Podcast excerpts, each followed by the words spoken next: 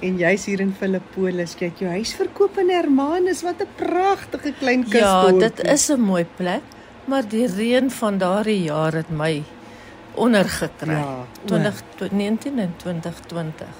Iemand kom nou die dag verby. Sy bly hierso. Sy was by die kinders gewees. Sy sê nee, daai Kaapse reën is te erg.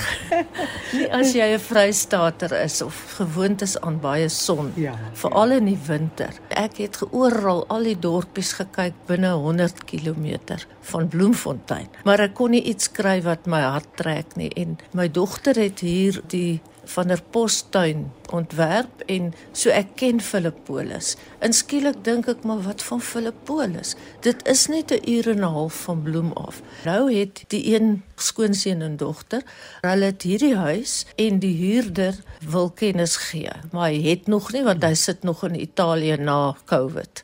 Ek besig om 'n lekker teetjie hier aan mekaar te Ja, slaan. salon tee. Ja. ek het toe hier kom intrek en ek het niks nie, maar ons het geraap en skraap. Ek het net van my pottery saamgebring, my kombuisgoed. Ja. En ons het die huis vol meubels gekry en ek het ingetrek. Vertel ons 'n bietjie van jou pottebakkery daar. O, ek het so hier omtrent 38 jaar oud. Toe is daar 'n vriendin in Parys waar ons gebly het en sy maak toe 'n 'n kursus klaar in keramiek by Valdrio. En daar is 'n pragtige groep kunstenaars gewees op Parys en hulle sluit my in op hulle ins- uitstallings en so het ek toe nou begin dink ek is 'n kunstenaar. Dit was vir my absoluut 'n wonderlike iets om potte te maak kreatief. Ag, want jy kan maak net wat jy wil. Mm. En daar's altyd nog iets om uit te vind. So dit is nie 'n stagnerende ding. En veral met die glasering, jy jy so Ja. kreatief begin raak. Ja, toe het ek op 'n stadium vir my een dogter gesê, nee, ek is moeg vir natural. Ja. En sy wys toe vir my Hoendertwasser se werk. Is dit Duitse Oostenrykse argitek. Sy goed was so kleurvol. En dan soos 'n mens se kop ontwikkel, het ek toe op die ou end van sy simbole en goed gebruik op my klei. Wat jy hier op die tafel sien, is die laaste oond wat ek Wow, dis gevier het. pragtig. O nee, dit is salig want elke vingerdruk is vir ewig in daai klei. Maar dit was 'n goeie deel nê. Maar vertel was. my terug hier in Filippolis. Jou huis se naam is Om Japie se trommel staan op die stoep. Toe ek nou hierheen kom, toe het die vorige huurder die titel van die huis gebruik as sy webwerf se titel. Maar toe ek nou hier kom en ek sê nee, maar ek is nou besig met tekstielkuns en ek skilder wat ook 'n mens kan doen met 'n lap. Toe besluit ons almal saam ons sal dit oom Japie se trommel noem. Dis Ja. baie kreatief. Ja. Daar's ook 'n pragtige boekekamer in Oom Japie se trommel. Ek het Ja. nou 'n paar juwele daar opgespoor. Daar is. Toe ek hier kom het van die kinders se vriendinne wat hier bly vir my gesê, "Wat maak jy hier?" Ek sê, "Nee, ek gaan nou tekstielkuns en kussings en al sulke goed doen en dit uitstal en hoop die mense kom kyk en koop." En sy sê toe, "Nee, maar hulle het so 'n boeke projek, die gemeenskap skenk boeke want almal wil boekrakke leegmaak." Ja. Dan verkoop ons dit. Dis nou mooi 2 jaar gelede en almal dra boeke aan. En so geontmoet ek die gemeenskap. Dit was 'n heerlik want op 'n hoër ouderdom is dit baie moeilik om in 'n plek in te settle. Ja. Jy weet, vakansietye en besig as hier gaste is soos julle vandag, kom kyk na die kerk en kyk na dit en kyk na die museum en die biblioteek en dan is julle in die omgewing mm. en ek het toe nou maar sommer groot kleur gemaak op die stoep sommer vir wat ek gehad het en aandag getrek. Dis So fantasties. toe begin die boeke projek groei. Mm, en hy hy's regtig die moeite werd.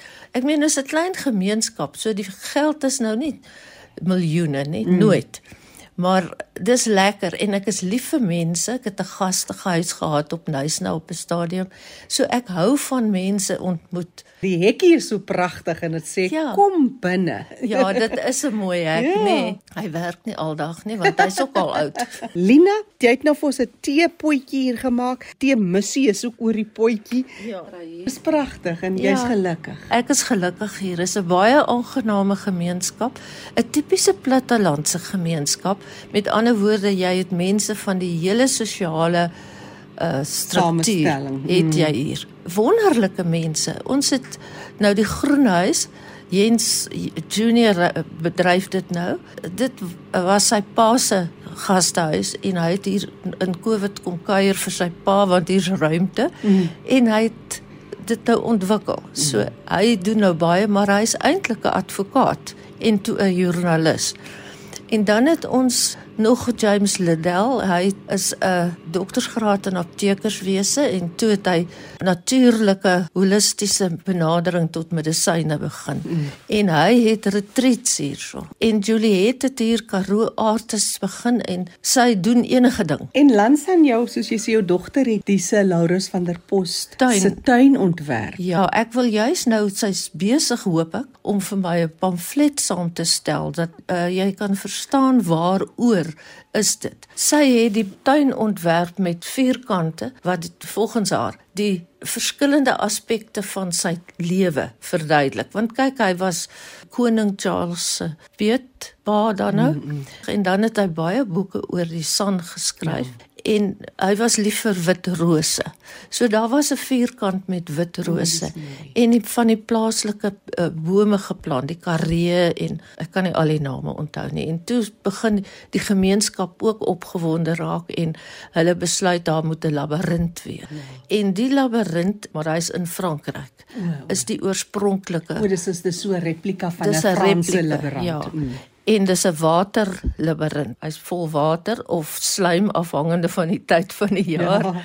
En hulle het 'n skrywershuis daar gehad. Op die oomblik is dit nou net 'n tipe van 'n museum, fotos van van 'n pos, 'n restaurant, uitstaande restaurant en die skrywershuis was bedoel dat skrywers daar kan in die rustige atmosfeer kom sit en werk. En hy's gebou as wat dit was van 'n pos se ideaal, die verbinding tussen die lokasies soos die mense dit soos noem. Die san mense wat hy so ja, so pragtig en so met soveel deernis oor hulle geskryf het. Ja. Die oorspronklike inwoners, dit absoluut. Die deurloop is dan nou die van der Postuin se middelpunt. Die deurloop tussen Pudding woongebied en Philippolis woongebied soos ons in die ou dae gehad het. Mm.